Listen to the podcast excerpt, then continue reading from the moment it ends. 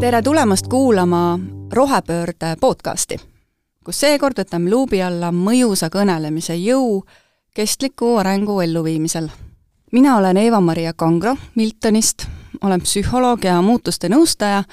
ning sellel aastal olen ka Miltoni poolt koostöös Impact Day'ga korraldatava kõnekonkursi Impact Speaker eestvedaja. nagu öeldud, keskendume tänases saates mitte niivõrd sellele, mida maailma päästmiseks teha, vaid kuidas väärtuslikud mõtted selgelt ja julgelt kõlama panna ja mõjusalt inimesteni viia. ja olen palunud selleks saatesse oma kogemust ja nippe jagama Kati Orava, kes on visualiseerimise ekspert või nagu ta ise ütleb, kirglikult uudishimulik visuaalne praktik ja haridusinnovaator. ja Kati nimelt võitis möödunud aastal Impact Day mõjukõneleja konkurssi. tere, Kati! tere, Eva-Maria, suur tänu, et sa mind kutsusid! ava alustuseks paari sõnaga, Kati, mida teeb üks visuaalne praktik, kes sa selline oled? jaa, visuaalne praktik on siis see, kes äh, kasutab äh, visuaalset lihtsustamist või üldse selliseid visuaalseid praktikaid, et äh, tuua oma mõtted peast välja, et ise neid näha, et teised näeksid, aga mitte siis äh, lihtsalt kirjutamise viisil, vaid kasutades sinna juurde ka tegelikult lihtsat joonistamist. ehk äh, visuaalne lihtsustamine on äh, kujundite, sümbolite ja märksõnade kasutamine selleks, et luua tähendust ja vaat see tähenduse loomine, võib öelda ka, et visuaalne mõtestamine ongi tegelikult selleks, et, et me saaksime paremini aru, nii iseendast kui ümbritsevatest protsessidest ja ja kõik meie ümber oleks tegelikult, tegelikult tõhusam, sest et äh, see viib sinna, et me toimetame produktiivsemalt, kui meil on selgus majas. nii et sa oskad aidata inimestel siis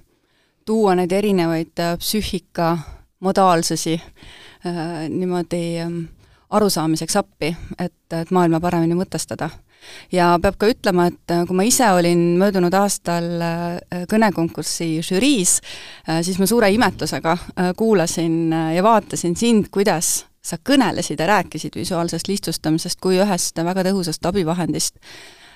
väga oluliste, teinekord ka väga keeruliste teemade kohaleviimisel inimesteni jaa, just täpselt, et et see ei ole siis ka mitte ainult äh, nii-öelda isiklik tööriist äh,, vaid jah, me saame seda kasutada laiemalt tegelikult äh, nii tegelikult vaimse tervise toetamiseks, loovuse, jätkusuutliku loovuse väljatoomiseks ja hoidmiseks ja, ja veel noh, võiks öelda juhina koostöös igal pool. ja miks mitte ka selliste keerulisemate äh, kestlikku arengut Äh, nügivate ja elluviivate muutuste elluviimiseks, eks ja, ja et mida keerulisem teema, seda rohkem tegelikult just oleks vaja võtta see paber ja pliiats appi või noh, ta võib olla ka digipaber, digipliiats, et öeldakse nii, et ei ole mitte ühtegi probleemi, mida visuaalne lihtsustamine ei aita lahendada ja kui ta ei aita lahendada, siis ta näitab, mis jamas me oleme. ehk see on see lihtne ütlus, et kui skeemi ei oska teha, siis asjast aru ei saanud. et ma tegelikult julgustangi just inimesi looma neid skeeme, tooma välja silme ette, aga koos emotsiooniga ka, sest seal hästi oluline roll on sealjuures ikkagi ka see emotsiooni loomine, et ma toon neid pilte ja sümboleid ja, ja kujundeid sisse.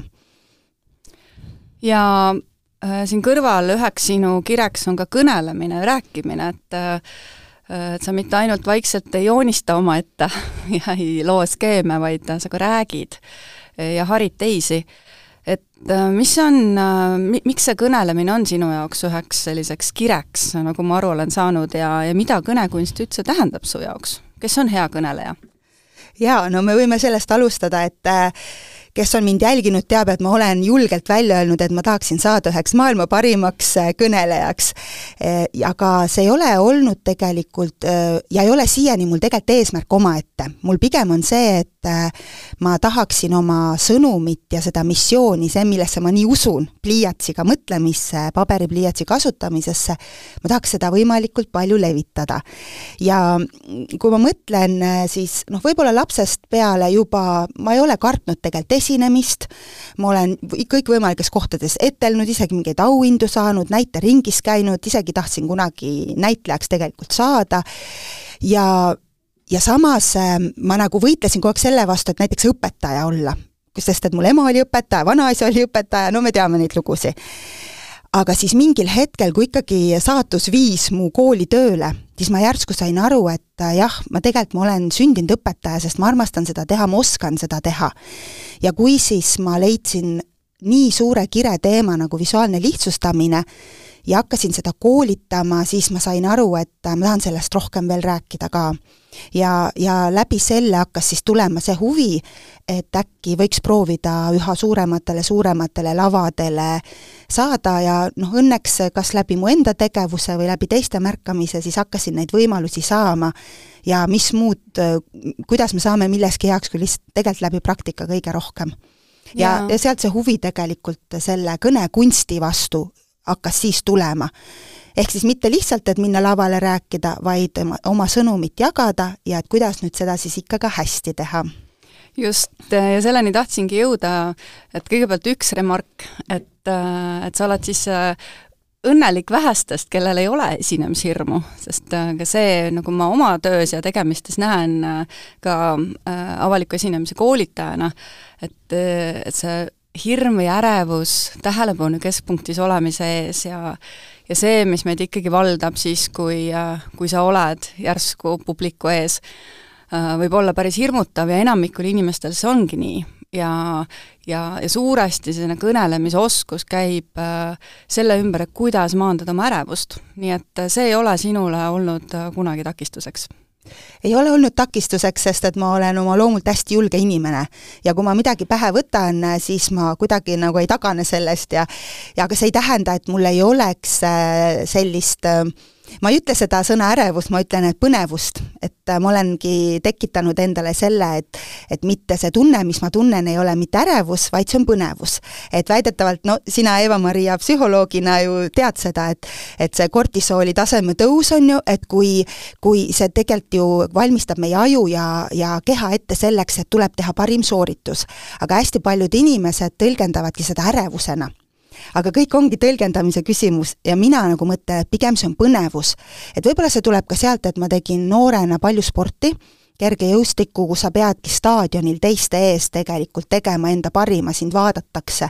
ja, ja sa lähed ja sa mõtled, et nüüd tuleb see sooritus teha, sa võtad ennast kokku et, et võib-olla jah, pigem see, et on küll, on küll avanärv, aga mõtlen sellele teistmoodi ja kohe see tekitab ka teise soorituse just, et see selline ümberraamistamine põnevuseks või ka elevuseks äh, on võimalik see stress enda kasuks tööle panna. just. et aga rääkides veel äh, kõnekunstist äh, ja, ja sellisest kõnelemise mõjususest, siis kõnelejaid on ju väga erinevat tüüpi. et ähm, me jääme kuulama inimesi, kes võivad olla sellised marurahulikud filosofeerijad, teised on sellised äh, entusiastlikud motivatsioonikõnelejad ja siis on inimesed, kes äh, kelle kirg on võib-olla rohkem juhendada, õpetada äh,, anda nõuandeid kaasa äh, ja igalühel on see justkui see oma miski. et milliseks kõnelejaks sina ennast pead? Jaa, vaat äh, üks asi oli, mis äh, muutis ka minu nagu mõtlemist esinemise kohta, oli, kui ma sain teada seda, et meid on,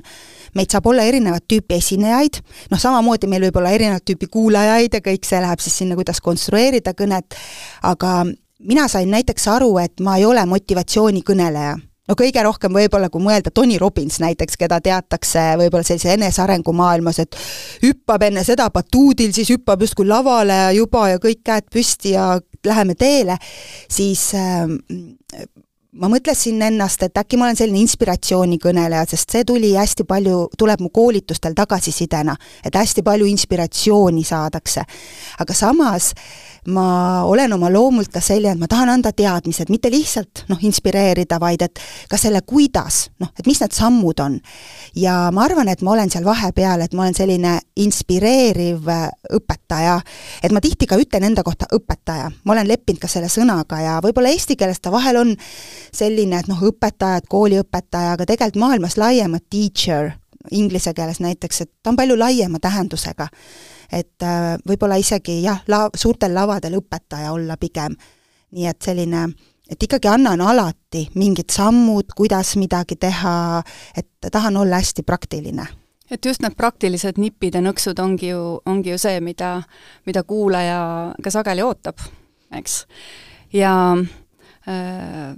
ja sa oled seda ka nagu välja toonud, et äh, sinu jaoks see kõnekunst hakkab pihta juba igapäevasest suhtlemisest. Et see ei ole midagi sellist, mida sa lähed ainult suurele lavale tegema, vaid vaid kus iganes, kodus, liftis, tänaval, on nii? jaa, selle idee ma sain tegelikult Liisa Nikolsit, äh, keda, kellelt ma olen õppinud kõnekunsti, keda ma jälgin, ta tõesti väga kihvte väikseid ampse teeb näiteks äh, esinemise jaoks, ja tema hästi palju, ütleme, kui oli ükskord üks pikem kursus, siis selline kahekümne ühe päevase kursusest esimesed seitse või kaheksa ta täiesti, ta ei läinud üldse sinna, et sa oled esineja laval ta läkski sinna, et hakka mõtlema, et kes on need inimesed, kellega sul on hästi hea rääkida, kuidas te räägite, millest te räägite, hakka ennast vaatlema, kuidas sa oma lastega räägid. sest noh, tegelikult kõige rohkem me peame mõjutama igapäevaselt ikkagi oma lähedasi. No mitte mõjutama, aga aga no ikkagi samas, iga suhtlus on ju mõjutamine ja me tahame alati ju teistele parimat ja et kuidas me neid vestlusi siis sellisel viisil peame ja siis äh, sealt edasi tegelikult, kui sa lähed suurele lavale, siis tegelikult ei ole ju vahet, kas sa räägid kümnele tuhandele või ühele. isegi kümne tuhandele sa tegelikult räägid alati nagu ühele. nii et me saame kõik kõnekunsti harjutada juba alustades kodust. no see on küll äh, selline väga hea selline eluline nõuanne et ei pea ootama hetke, vaid äh, saab ju äh, kohe pihta hakata. ja see on ka minu enda kogemus, et äh, kokkuvõttes kõige olulisem asi üldse kõnelemise juures on oskus kuulata, oskus aru saada publikust, oskus aduda seda, millest, millisest keelest publik aru saab, mida nad vajavad. et see fookus ei peagi olema mitte iseendal ja, ja enda etlemisel, kuivõrd sellel teisel inimesel või nendel teistel inimestel, kellele sa oled tulnud andma midagi, mitte, mitte värisema nende ees, et mida nad küll minust arvavad. ja vaat just, et üks äh, selline, kuidas öelda, ka üks asi, millega mina hetkel hästi tahan tegeleda, on see, et kuidas panna oma kuulaja kangelaseks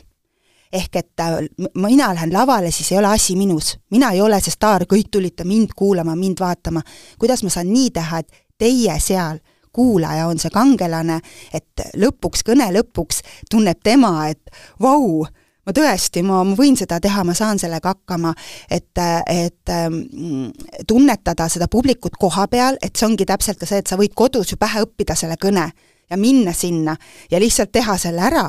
aga samas, äh, kui sa ei ole olnud kohapeal selles äh, nii-öelda kahekõnes, ja see kahekõne ei pea nii olema, et keegi ju midagi vastab, noh kümnest tuhandest sa ei saagi, aga näiteks ka see, et kui sa palud neil tõsta käe, noh, küsid midagi, palud käe tõsta, mis sa nüüd teed sellega?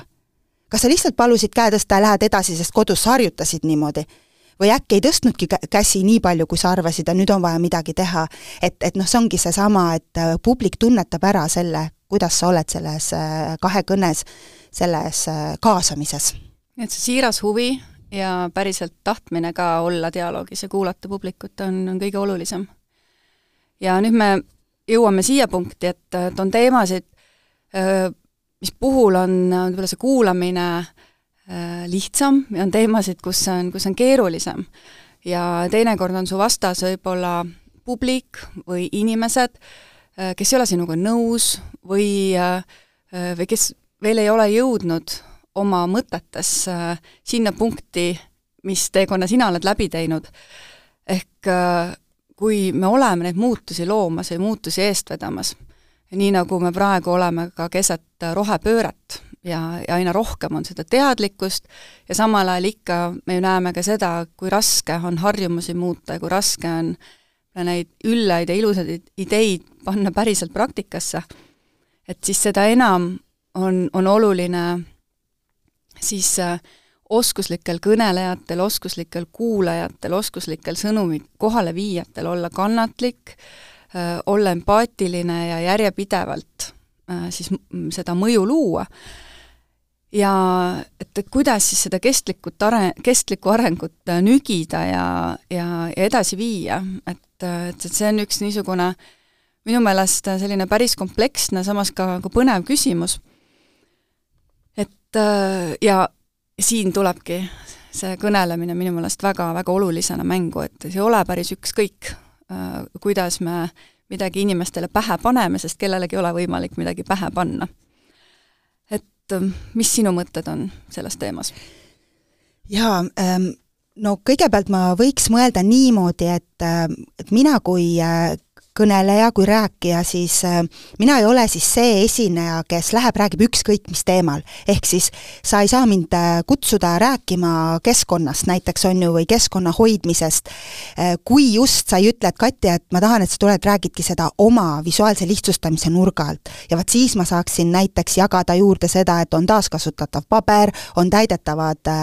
markerid ja on erinevad uuringud, mis näitavad, et sugugi see digitaalsus ei pruugi olla väiksem prügi enam tänapäeval kui see marker ja paber. noh, näiteks ja, ja ma olen seda teinud ja et olla valmis selleks, näiteks kui ma eelmine aasta siis Impact Day'l äh, kõnelesin, siis äh, ma tegelikult uurisin neid teemasid, et ma teadsin, mis inimesed on kohal ja kui keegi küsib järsku, ma teadsin muidugi, et minult ei saa saalist küsida, aga et ükskõik millal keegi tuleb ja küsib näiteks Katja, et aga et siin praegu räägid, meil on selline teema. või kas või see näide, et, et et äh, kui mõelda, et mul on selline joonistamise teema ja ma Impact Teil rääkisin, no et mis seal seotud on, aga mina sidusingi selle jätkusuutliku loovusega. ehk siis, kui me hoiame oma loovust pidevalt jätkusuutlikku, siis ei ole vaja, et me ostame sisse kalli raha eest loovamaid inimesi, viime inimesi loovamatesse kohtadesse, maksame selle eest, et, et ikkagi me hoiame loodust, me hoiame raha kokku, on ju. Aga ja ma mõtlen äh, selle teema peale, roheteema peale laiemalt, äh,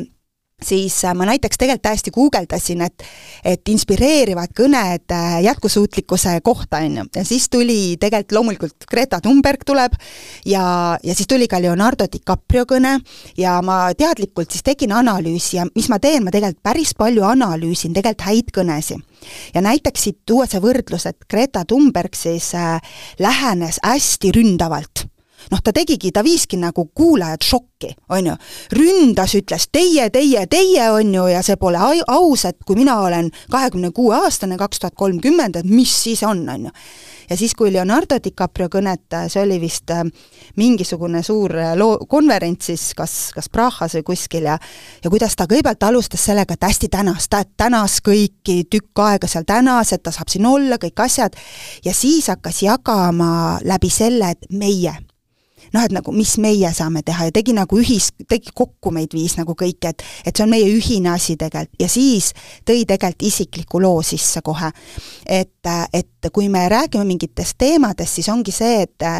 esiteks me peame ennast tundma, millised me oleme ja võib-olla see ongi see, et Greta Thunberg lööbki sellega, nagu ta on, on ju, ja ta ei saagi keegi teine olla. siis, et sa pead ennast teadma. sa saad minna seda teemat jagama, aga sa pead siis seda teemat tundma on ju, et noh, mõlemad nad näiteks tõid faktid sisse. et sa ei saa sellistel teemadel, mina arvan, et sa ei saa ilma faktideta, sa pead need sisse tooma. aga noh, loomulikult äh, on küsimus ka, et, äh, et jaga, otsida siis need lood, tegelikult ju alati öeldakse, et me kõik õpime lu-, läbi lugude ja mina arvan, et siin on võtmesõnaks ikkagi see lugude rääkimine, et et kuidas ma eristun nendest, kes juba on sellest rääkinud, kui see on ära leierdatud teema, kuidas ma saaks nüüd äkki uue nurga alt, et ähm, jah, ma arvan, et me võiksime seda analüüsida päris, päris palju, aga aga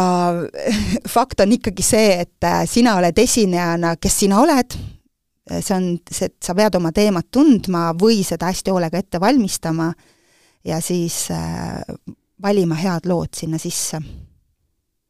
ja kuidas sulle tundub, kas, kas ka see on võimalus, et sul ongi alati olemas see, see oma kõne, mis on sul väga hästi selgeks tambitud, äh, pealuu sees ja mis iganes sinult küsitakse, äh, äh, kuhu iganes sa lähed, mis iganes on see teema, sa ikkagi lendad selle oma, oma asjaga peale ja,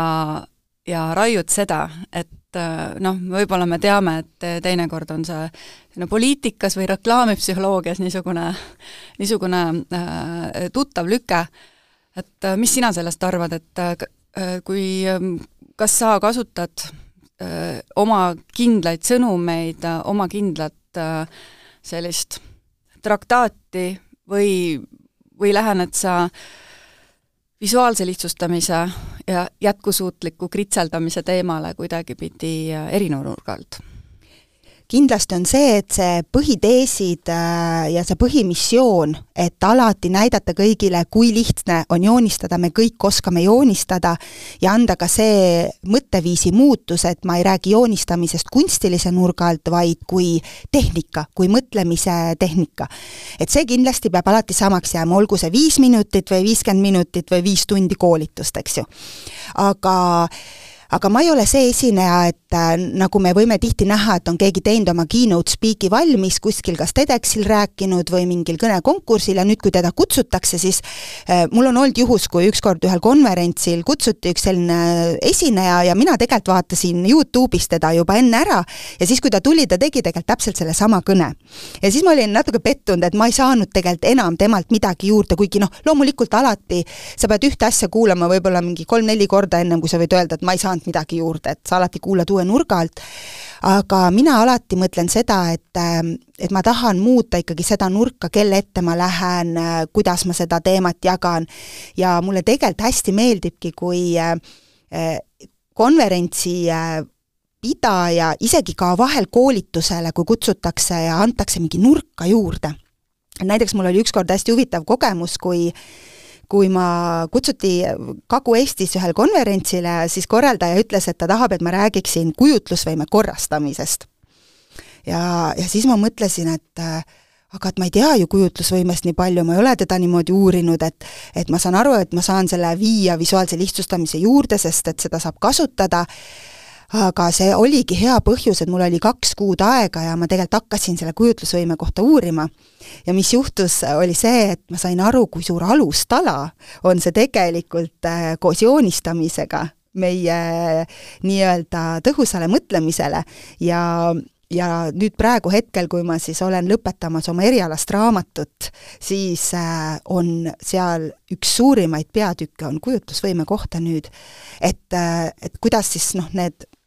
valmistumine millekski annab selle võimaluse aga noh, samas näiteks ka üks testlugeja, kes mu raamatut luges, ütles nii vahvalt, et Kati, et, et see on justkui lõngakera, et ükskõik, mis otsast hakkad arutama, ükskõik, mis teema sa võtad, sa jõuad visuaalse lihtsustamise juurde, et visuaalne lihtsustamine aitab olla selles parem. nii et, et mul mingis mõttes on niisugune universaalne teema, et äh, tõesti ka praegu, kui kui vaatad, mis on uue Impact Day kõnevõistluse, eks ju, fookus, ma suudaksin sinna ikkagi oma teema ära mahutada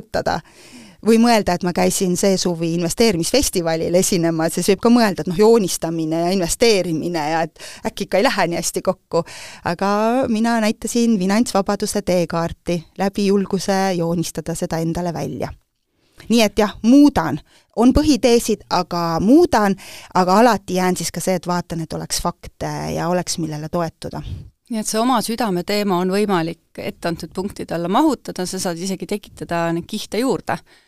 Äh, et see on heas mõttes sunnitakse seda tegema ja sa saad võib-olla mingisuguse ootamatu impulsi. ja tõepoolest, äh, see meie Impact äh, Speakeri kõnekonkursi teema sellel aastal on Are we doing enough? kas me teeme piisavalt? ja, ja seal on mitmeid selliseid alapunktikesi, et mida äh, mille üle, äh, kuhu alla siis mahutada oma mõtteid ja oma, äh, oma kõnet, noh näiteks noh, mida me saame äh, teha koostöös, milline on koostööjõud,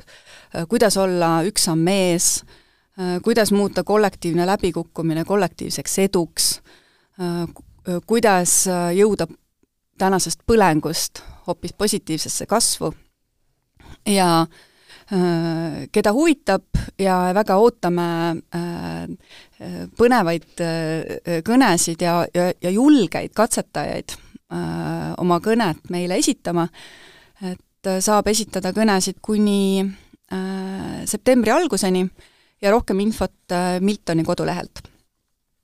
aga äh, Kati, mis sa arvad sellest, kuna inimesed ju ikkagi ootavad praktilisi nippe ja kuigi neid sa oled siin juba vaikselt puistanud ka, mm, et ma teen ettepaneku, et ähm, jagame mõningaid selliseid võtteid ja nii-öelda kõnepidamise abc-d ka, et veel, et mis, mis sind ennast on aidanud. Ja, ja, ja võib-olla siis ma poetan ka midagi, mis, mis mind on aidanud ja, ja mis minu treeningutel ja koolitustel käijaid äh, äh, aitab. et äh, no kõigepealt, enne kui me üldse lavale läheme, on ettevalmistus. mida teha enne esinemist äh,? mis sinu mõtted on, mis sind aitab, kuidas sina valmistud esinemiseks? No kindlasti äh, enne esinemist, äh, kuskil tund aega enne esinemist pole mõtet üldse hakata oma kõnet uuesti ja uuesti üle kordama, sest et selle aja peale on see töö juba tehtud tegelikult. ja, ja võib-olla mõttes lihtsalt need pidepunktid nagu äh, käia, käia läbi võib ka olla see, et, äh, et sa näiteks äh, seal saalis olles juba proovid kinnitada oma selle teekonna mingitesse punktidesse seal saalis näiteks, seostad nad kuidagi sellisena ära. siis teine on kindlasti see, et ära mine sotsiaalmeediasse enne lavale minekut, sest et sa ei tea, mida sa võid sealt näha, mis võib sind järsku rütmist välja viia. mis siis, et sa mõtled, et äkki kiri või äkki laps kirjutab, sa ei teagi, mis ta kirjutab äkki kirjutabki, et äh, olen praegu siin, politsei viib mu kuhugi, on ju, et mismoodi sa siis lähed lavale, teades sellist asja, või veel mingisuguseid raskemaid asju, et noh, et et, et kindlasti ole oma, oma selles teemas, kõik, mis on vaja jälle uuesti pärast seda esinemist, äh, tegeled edasi maailmaga. ja äh, mina kindlasti äh, proovin äh, ühelt poolt ennast nagu maandada, hästi tunda oma jalgu, tunda seda maapinda, äh, hingata rahulikult, vahel ma teen ka sellist meditatsiooni näiteks, et ma justkui teen kogu saali mõnusaks roosaks palliks ja kõik on, võtavad nii hästi vastu ja, ja tulevad kaasa ja saavad kasu sellest, mis ma jagan, et need on sellised noh, võib-olla vaimsed, äh, vaimsed asjad. Äh, võib-olla mõnele sobib see, nagu siin varem ütlesin, et Tony Robbins hüppab batuudil enne lavale minekut, on ju, et et mõnele sobib see, et kõrvaklappides siis kuulata mingit ins-, inspireerivat lugu, mingit muusikalugu, et oh, siis ma nüüd lähen lavale ja oo, tere, et et, et ja eks see oleneb ka, mis viisil sa lähed sinna lavale, et kas sa peadki minema lavale, et sa hüppad oo tere sinna või sa lähed rahulikult ja, ja kõigepealt üldse on vaja võib-olla, et hingame kõik koos sisse ja välja. et noh, siis, siis ei saa batuudil hüpates otse lavale minna. Just, et, et oluline on saada see selline enda loomulik äh, elevuse tase sinna optimumi, et sa ei oleks liiga elevil ja liiga erutunud ja teiselt poolt äh, noh, tuimalt ka ei saa et selleks, et ennast, endast parim välja panna, on, on vaja ennast nagu parajal määral üles kloppida ja siis ka parajal määral äh, selliseks äh, äh, nagu rahulikuks uuesti nagu tagasi tuua, et, et see keskendumisvõimalus, noh, keskendumisvõime oleks seal, oleks seal olemas jah, et tunda nagu ennast, et mõnele sobib, eks ju, selline ägedam üleskloppimine ja mõnele jälle siis see selline maandamine või niisugune meditatiivsem asi, et et seal ongi, et me ei saa, me ei saa võtta, et aga kes teeb nii või kes teeb naa, et õpi ennast selles tundma. jaa, et see olem-, iseenda elemendis olemine on, on kõige tähtsam et, et siin ma kohe tahaksin küsida su käest, Kati, et äh, mul on raske uskuda, et sul on kõik kõned, mida sa oleks, milleks sa oled väga hoolikalt ja ja hästi ja kenasti valmistunud, on sul läinud äh, väga hästi. küllap on olnud ka mõningaid äh, möödalaskmisi või, või selliseid äh, äh pepuli kukkumisi, et äh, või, või oled sa äh,, oled sa täiuslik? ei, sugugi ei ole täiuslik ja ei ole olnud selliseid väga suuri, selliseid möödalaskmisi, aga on üks väga hea võrdlus tuua, et mul on olnud võimalus äh, esineda kaks tuhat kuusteist aastal juhtimiskonverentsi laval Pärnus, Äripäev teeb seda, ja, ja on kaks tuhat kakskümmend äh, olnud finantskonverentsi, jälle samad tegijad, sama lava. Ja kui ma siis kaks tuhat kuusteist läksin oma teemat, jagasin kakskümmend minutit, siis siis ma kuidagi ma just samas ka joonistasin seda konverentsi üles ja, ja läksingi kuidagi sealt joonistamisest, et järgmine esineja, Kati, Kati Orav tuleb, umbes keerasin ringi ja seal ja, ja läksin siis ja, ja olin hästi omas elemendis, hästi siiralt, kuidagi ka isegi naiivselt uskusin, et see, mis ma jagan, et see on nii oluline ja nii vajalik ja ja, ja kuidagi olin tegelikult hästi omas elemendis, nii nagu ma tänaseks jälle olen ja koolitustel. Ja läks nii hästi ja, ja ma mäletan, et isegi too hetk anti teada, et valiti parimad esinejad ja ma olin top kolme esineja hulgas. ja, ja olin sellest ise väga üllatunud. ja, ja kui ma kaks tuhat kakskümmend finantskonverentsil, siis ma mäletan, et ma valmistusin üle ma päriselt nagu hakkasin mõtlema, et oi, finantsinimesed ja mis nad kõik võivad tahta ja, ja ma kuidagi ei läinud lavale päris nagu sellena, kes ma olen nagu omas elemendis, et ma siiralt ja naiivselt noh, usungi sellesse, mis ma teen, vaid ma kuidagi nagu tahtsin nagu maha müüa seda ideed äh, kuidagi nagu liiga puiselt, võiks nii öelda ja see oligi see koht, kus ma, mul läks küll, tegelikult läks hästi ja, ja teised, ma ei tea, kas kes ei saanud üldse sellisest asjast aru, tuldi ja, ja, ja tänati ja kõike sellist, aga minu enda see võrdlus sees, see arusaamine, et et ühelt poolt sa pead oma mm, kuulajaid, vaatajaid tundma, kelle ette sa lähed, aga sa ei saa olla seal ka keegi teine. sest et sind kutsutigi tegelikult millegi pealt ja kui sind kutsutigi selle pealt, et sind on nähtud, et sa äh, toodki selle elevuse, selle inspiratsiooni, et ma saangi aru, et tegelikult väga tihti mind kutsutaksegi sellepärast, et ma murran selle tavalise konverentsi rutiini täiesti, eks ju, järsku ütlen, et nii, paberid, pliiatsid välja, mina joonistan ette, joonistage kaasa ja siis see tipp juht seal särasilmil avastab ennast viieaastasena jälle ja, ja tegelikult see on see, miks mind kutsutakse. aga tol hetkel ma jah, mõtlesin üle, valmistusin üle,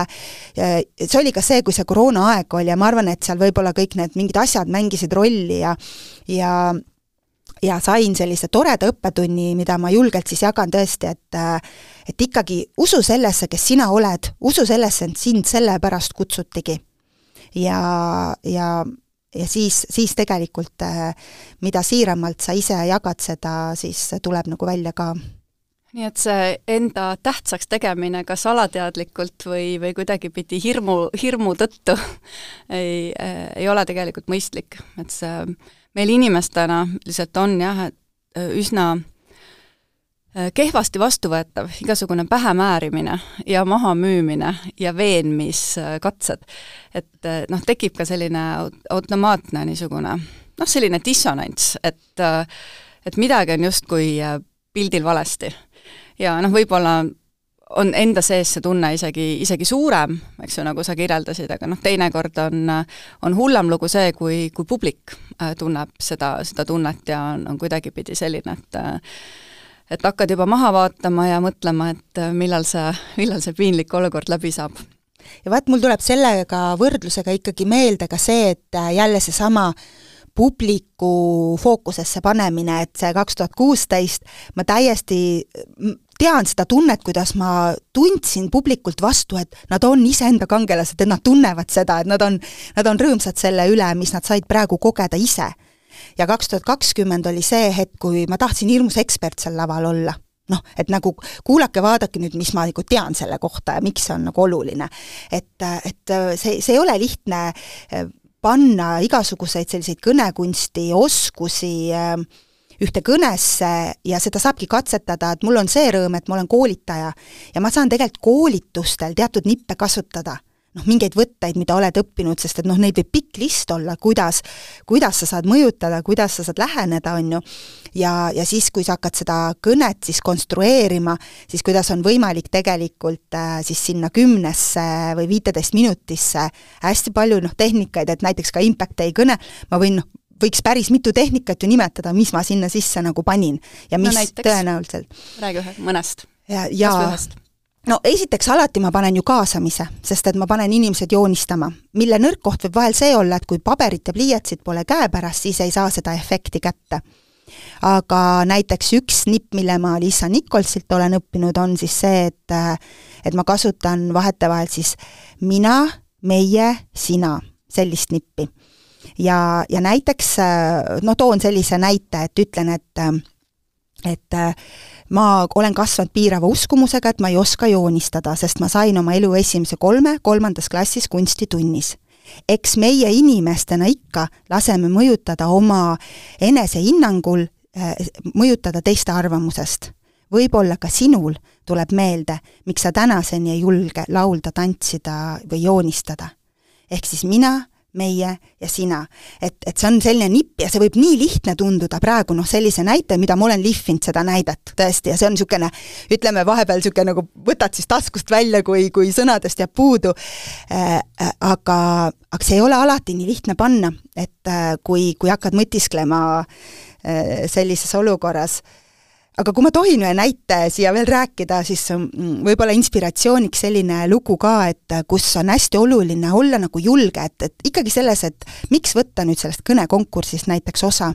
kui sa ikkagi tunned, et sul on hästi tugev sõnum, mida jagada, või sa tahad arendada ennast esinejana ja mina tegelikult ükskord elus olen teinud selle, kui ma tahtsin arendada ennast esinejana. ja see oli siis äh, kaks tuhat kakskümmend üks, ma olin just äh, magistritöö ära esitanud, ära kaitsnud, tegin samal ajal läbi Liisa Nikolsi ühte kõnelemise äh, nii-öelda koolitust ja Liisa Nikols ütles nii, nüüd pange kuu aja pärast tähtaeg ja, ja konstrueerige üks kõne, millega te astute mingi inimeste ette, kirjutage neile inimestele, et te kutsute nad kokku ja te esinete mingi kõnega neile. ja mina siis mõtlesin, et kus ma seda nüüd teha saan. ja, ja siis tuli pähe, et aga lõ-, ülikooli lõpetamistel alati ju keegi lõpetaja räägib ja kirjutasin, lihtsalt kirjutasingi, ma ei teagi, kus, mis kontaktile, et et vabandage, et, et kas teil on olemas juba keegi, kes lõpetajate poolt räägib, et kui ei ole, siis ma täiesti tahaksin proovida, et ma ei tea, kas see cum laude või mis seal loeb, ma ei tea veel, millega ma lõpetan, ma ei lõpetanud muideks cum laudega, aga et et igatahes ma pakun ennast. Ja siis ise mõtlesin, et oi, et kui saab, et viisteist või kakskümmend minutit, no nagu välismaal need on ja siis oi, siis konstrueerid niisuguse kõne kõik ja siis kirjutas, kirjutati vastu, et oi kui tore ja loomulikult, et siis meil on üks mure ka vähem ja et et ikka tule ja räägi ja et kaks minutit on sulle. Ja siis ma mõtlesin, et kuhu ma ennast nüüd praegu siis lubasin? Või oli kolm minutit, no vahet pole kaks-kolm minutit, kuigi see minut on suur vahe ja, ja siis ma tõesti, ma konstrueerisin kõnet täiesti by the book, nagu Lisa Nicholsit võtsin Sina, mina, meie, võtsin mingi loo ja seda oli võimalik panna kolme minuti ja panna nii, et selle kolme minuti jooksul publik plaksutas ja vilistas kaasa mingitel hetkedel. ja see oli see hetk, kui ma tundsin, et vau, et nüüd ma nagu esinejana panin proovile, et seal ma ei rääkinud üldse nagu oma teemast ju, see oligi see, et inspireerida lihtsalt lõpetamise puhul. et äh, tuleb panna ennast ka proovile sellistel hetkedel äh, ja, ja tõesti, miks mitte vahel proovidagi, et näe, siin ongi need asjad, kuidas ma need nüüd sinna sisse panen. et äh, see oli, see oli hästi võimas kogemus. väga kihvt lugu. ja noh, tõepoolest teinekord need lühiformaadid on veel palju väljakutsuvamad, eks. et üks, ähm, üks selline nagu selline hea ülesehitus, mida, mida ma ka ise kasutan äh, kui sageli, et äh, mis on nagu hea lollikindel, on selline noh, kolmeastmeline, et, äh, et kõigepealt rääkida valust, äh, mis on et noh, me oleme ikkagi me ikkagi põleme täna, siis äh, kirjeldada seda, ikkagi pühenduda selle, selle valu kirjeldamisele ütleme kusagil seitsekümmend viis protsenti oma kõneajast tegelikult siis järgmise plokina äh, räägi sellest, mida teha. mis on sinu ettepanekud? Äh,, mis on see, mis meid siit välja aitab, ja kolmandaks, see kõige lühem, aga ülimõjus osa on äh,, on lause või kaks sellest äh,, mis läheb paremaks, mis on selle mõju, sinu tegevuse mõju ja, ja no niisugune struktuur on ka alati selline, mis, mis aitab iseendal väga hästi mõtet korrastada ja tõepoolest mõjub. ja, ja sõnumi ülesehitamisel mina väga harva äh, kasutan sellist sõnasõnalist äh, päheõppimist, võib-olla ka selliste ülilühikeste formaatide äh, puhul ainult, küll aga ma mõtlen läbi oma esimese lause ja ma mõtlen läbi oma viimase lause ja, ja siis on äh, see algus ja punkt on hästi ära raamistatud ja need on need, mis, äh, mis loevad. Nii et, et sellised on, nipid. see on justkui see kõnekaardi tegemine ka, et, et kuidas sa nagu algusesse lähed, kuidas sa ära lõpetad ja mis seal vahepeal on, et seal on isegi siis sellised nõuanded ka, et et vahepeal siis oleneb, kui pikk siis su kõne on, et kindlasti on, peab olema mingi lugu ja siis peaks olema sellest loost ka õppimine. et noh, ja näiteks kõik see kolme minuti kõne tookord, kõik sai sinna ära panna. ja seesama, mis sina kirjeldasid, võiks ka öelda, et see on selline Valley meetod, ehk siis selline oru meetod, et sa viid inimesed sinna põhja, viid sinna põhja, aga mõnikord on kõnelejad, näiteks Greta Thunberg minu arust päris mitme kõnega viib põhja ja jätabki põhja noh, et aga tegelikult oleks vaja tuua üles-tagasi, nagu sa ütlesidki, et ikkagi, mis me saame nüüd teha ja mis läheb paremaks. ja enda kõne, enda igasuguseid lugusid konstrueerides saab samamoodi mõelda, et et kuidas ma näiteks noh, tihti näiteks sellised enesearengu ja niisugused inspiratsiooni, kes räägivad oma elust, siis nad väga tihti unustavad selle ära, et nad tegelikult on ka võib-olla kuskilt põhjast alustanud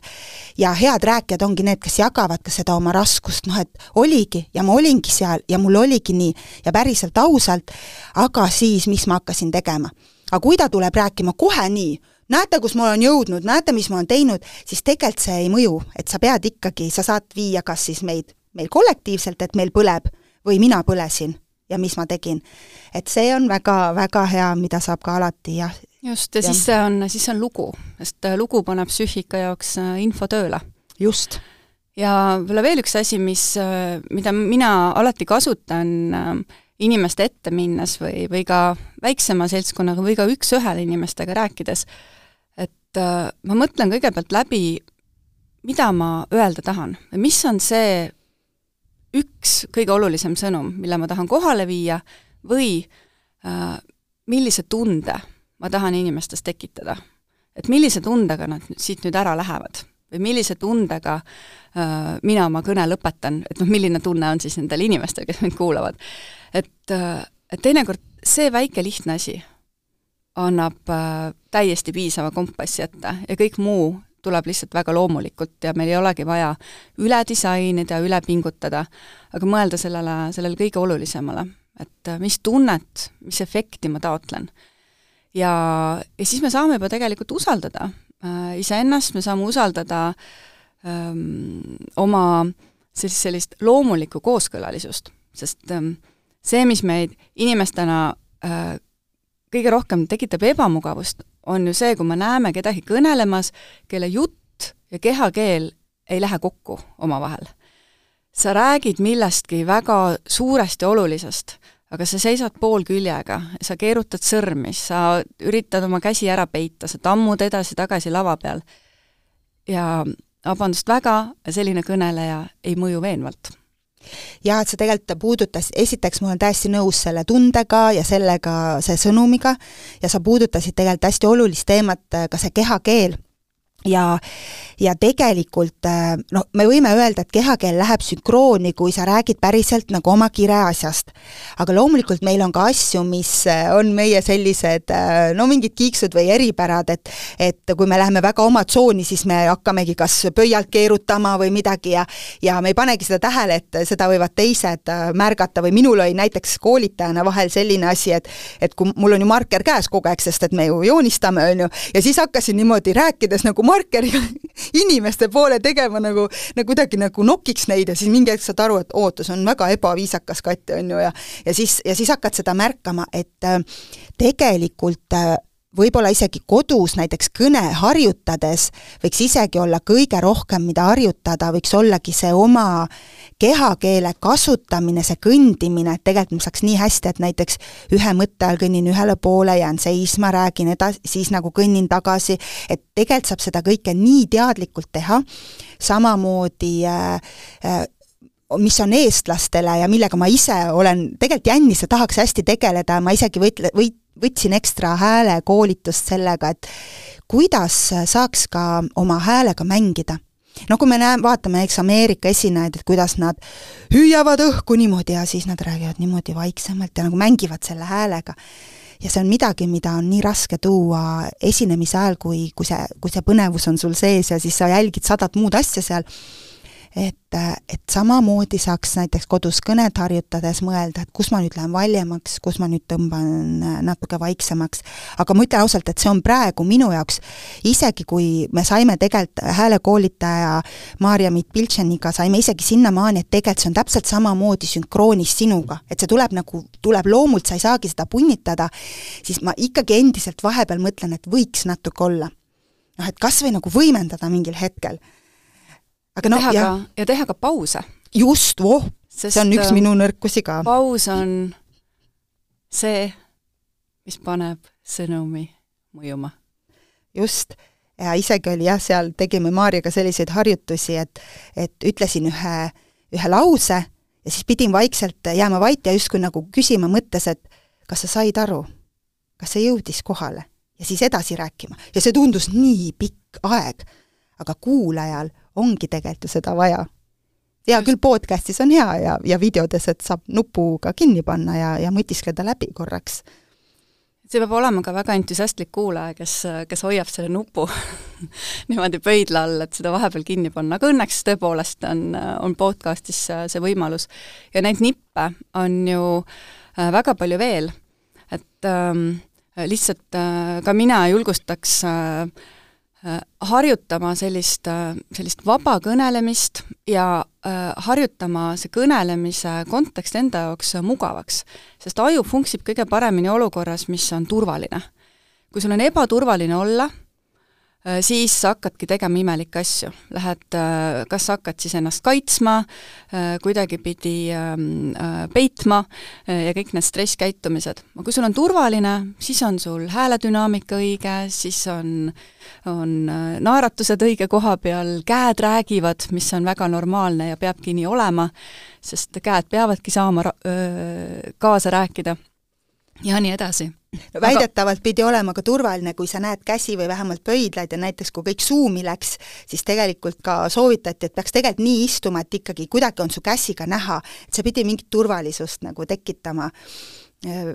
Jaa, mul tuli üks mõte sind kuulates, aga praegu jooksis, vaatan, kas mul tuleb see tagasi jaa, võib-olla tõesti, et et kuigi me oleme nüüd äh, juba omadega lipanud üsna lõpusirgele ja anna siis Kati märku, kui sul see oluline mõte äh, tuleb veel meelde, sest oleks hirmus kahju, kui kui me seda ei saa kaasa võtta, aga nüüd ma juba näen, et sul oli sõrm püsti. jaa, tuligi meelde, et kui sa ütlesid seesama, et, et meie mõte liigub kõige paremini, kui meil on selline maandatud olukord, siis siit ma toon tegelikult paralleeli, et üks asi, mida visuaalne lihtsustamine teeb, ta toob rasketel hetkedel, maandab, kuna ta viib meid mingisse tsooni, kus me oleme justkui nagu lapsed, teeme mingit sellist mõnusat asja, me nagu kritseldame, me nagu oleme haavatavad, samal võime nagu justkui tekib tunne, et aa, et iga mõte on nagu lubatud, samamoodi on sellega, et kui sa lavale lähed ja, ja sa tunned, et sa oled väga närvis, tee kohe midagi, mis nagu maandaks sind, näiteks mina tean, mida rutem ma joonistamisega peale hakkan, seda paremini on minul edasi hea minna. sest ma kohe maandan ka ennast sellega, kui ma teisi viin sinna joonistamisesse. mõne jaoks on see see, et kohe näiteks mingi nali rääkida ja teised naeravad näiteks, nii et, et, et näiteks varustage ennast mingi selle mõttega, et kuidas ma saaks kohe alguses ennast pingevabamaks, mis mulle, mis aitaks mul publikuga selle kohe tekitada. väga hea nipp ja mina omalt poolt jagan siia ühe lühikese äh, väga lihtsa nipi veel juurde, et üks kõige parem lõõgastaja on väljahingamine. nii et tee üks rahulik väljahingamine, üks rahulik paus ja sa juba tunned, kuidas, kuidas see rahu uuesti tagasi tuleb. et äh, ma sain ise sellest aru niimoodi, kui mul oli kunagi tohutu äh, esinemisärevus klaveriga hind, esinedes hindelistel kontsertidel ja, ja mulle alati meeldis mängida pilli teiste rõõmuks äh, siiamaani väga-väga meeldib, aga vot eksamitel ja hindelistel kontsertitel ma läksin täiesti äh, lukku e,. Ja kui ma hakkasin õppima flööti ja saksofoni, siis seda ei juhtunud mitte kunagi. E, ja alles hiljem psühholoogiaõpingute käigus ma sain aru, et ei juhtunud sellepärast, et puhkpilli mängides ma pean hingama välja. ja, ja ma ei saanudki krampi minna, sellepärast et ma lõõgastasin ennast kogu aeg nii et seega on mul see pasun taskus igaks juhuks kogu aeg, kui ma ka laval käin. aga mis peamine, meistriks saab ikka ainult harjutades ja tõepoolest ma ei ole koge-, kohanud veel mitte ühtegi superkõnelejat, kes oleks selle võimega päriselt sündinud Küll aga ma tean väga paljusid inimesi, kes on järjepidevalt ennast proovile pannes ja uudishimulikult treenides kujunenud tõeliselt säravateks esinejateks, nagu Kati ka sina, ja, ja siin Roheportaalis teema üle arutades eks, eks ka see kestlik eluviis ja majandamine on saanud vältimatuks väljakutseks meile kõigile et äh, aga kas me ka teeme piisavalt ja kas me tegutseme vastavalt oma üllale ideele, et äh, see on, see on suurem küsimus, mis vajab lahendamist ja mis vajab ka koos mõtestamist ja mis, mis vajab ka läbirääkimist. ja, ja sellepärast ma kutsungi teid veel kord üles äh, tundma huvi Impact Speakeri kõnevõistluse koh-, vastu, mis, mille kohta saab infot Miltoni kodulehelt ja ka Impact Day äh, kestliku äh, ettevõtluse ja mõtteviisi festivali kodulehelt, et kõnesid saab esitada meil septembri alguseni. Äh, ja, ja, ja kõnekonkursi võitjal on suurepärane võimalus astuda oma kõnega üles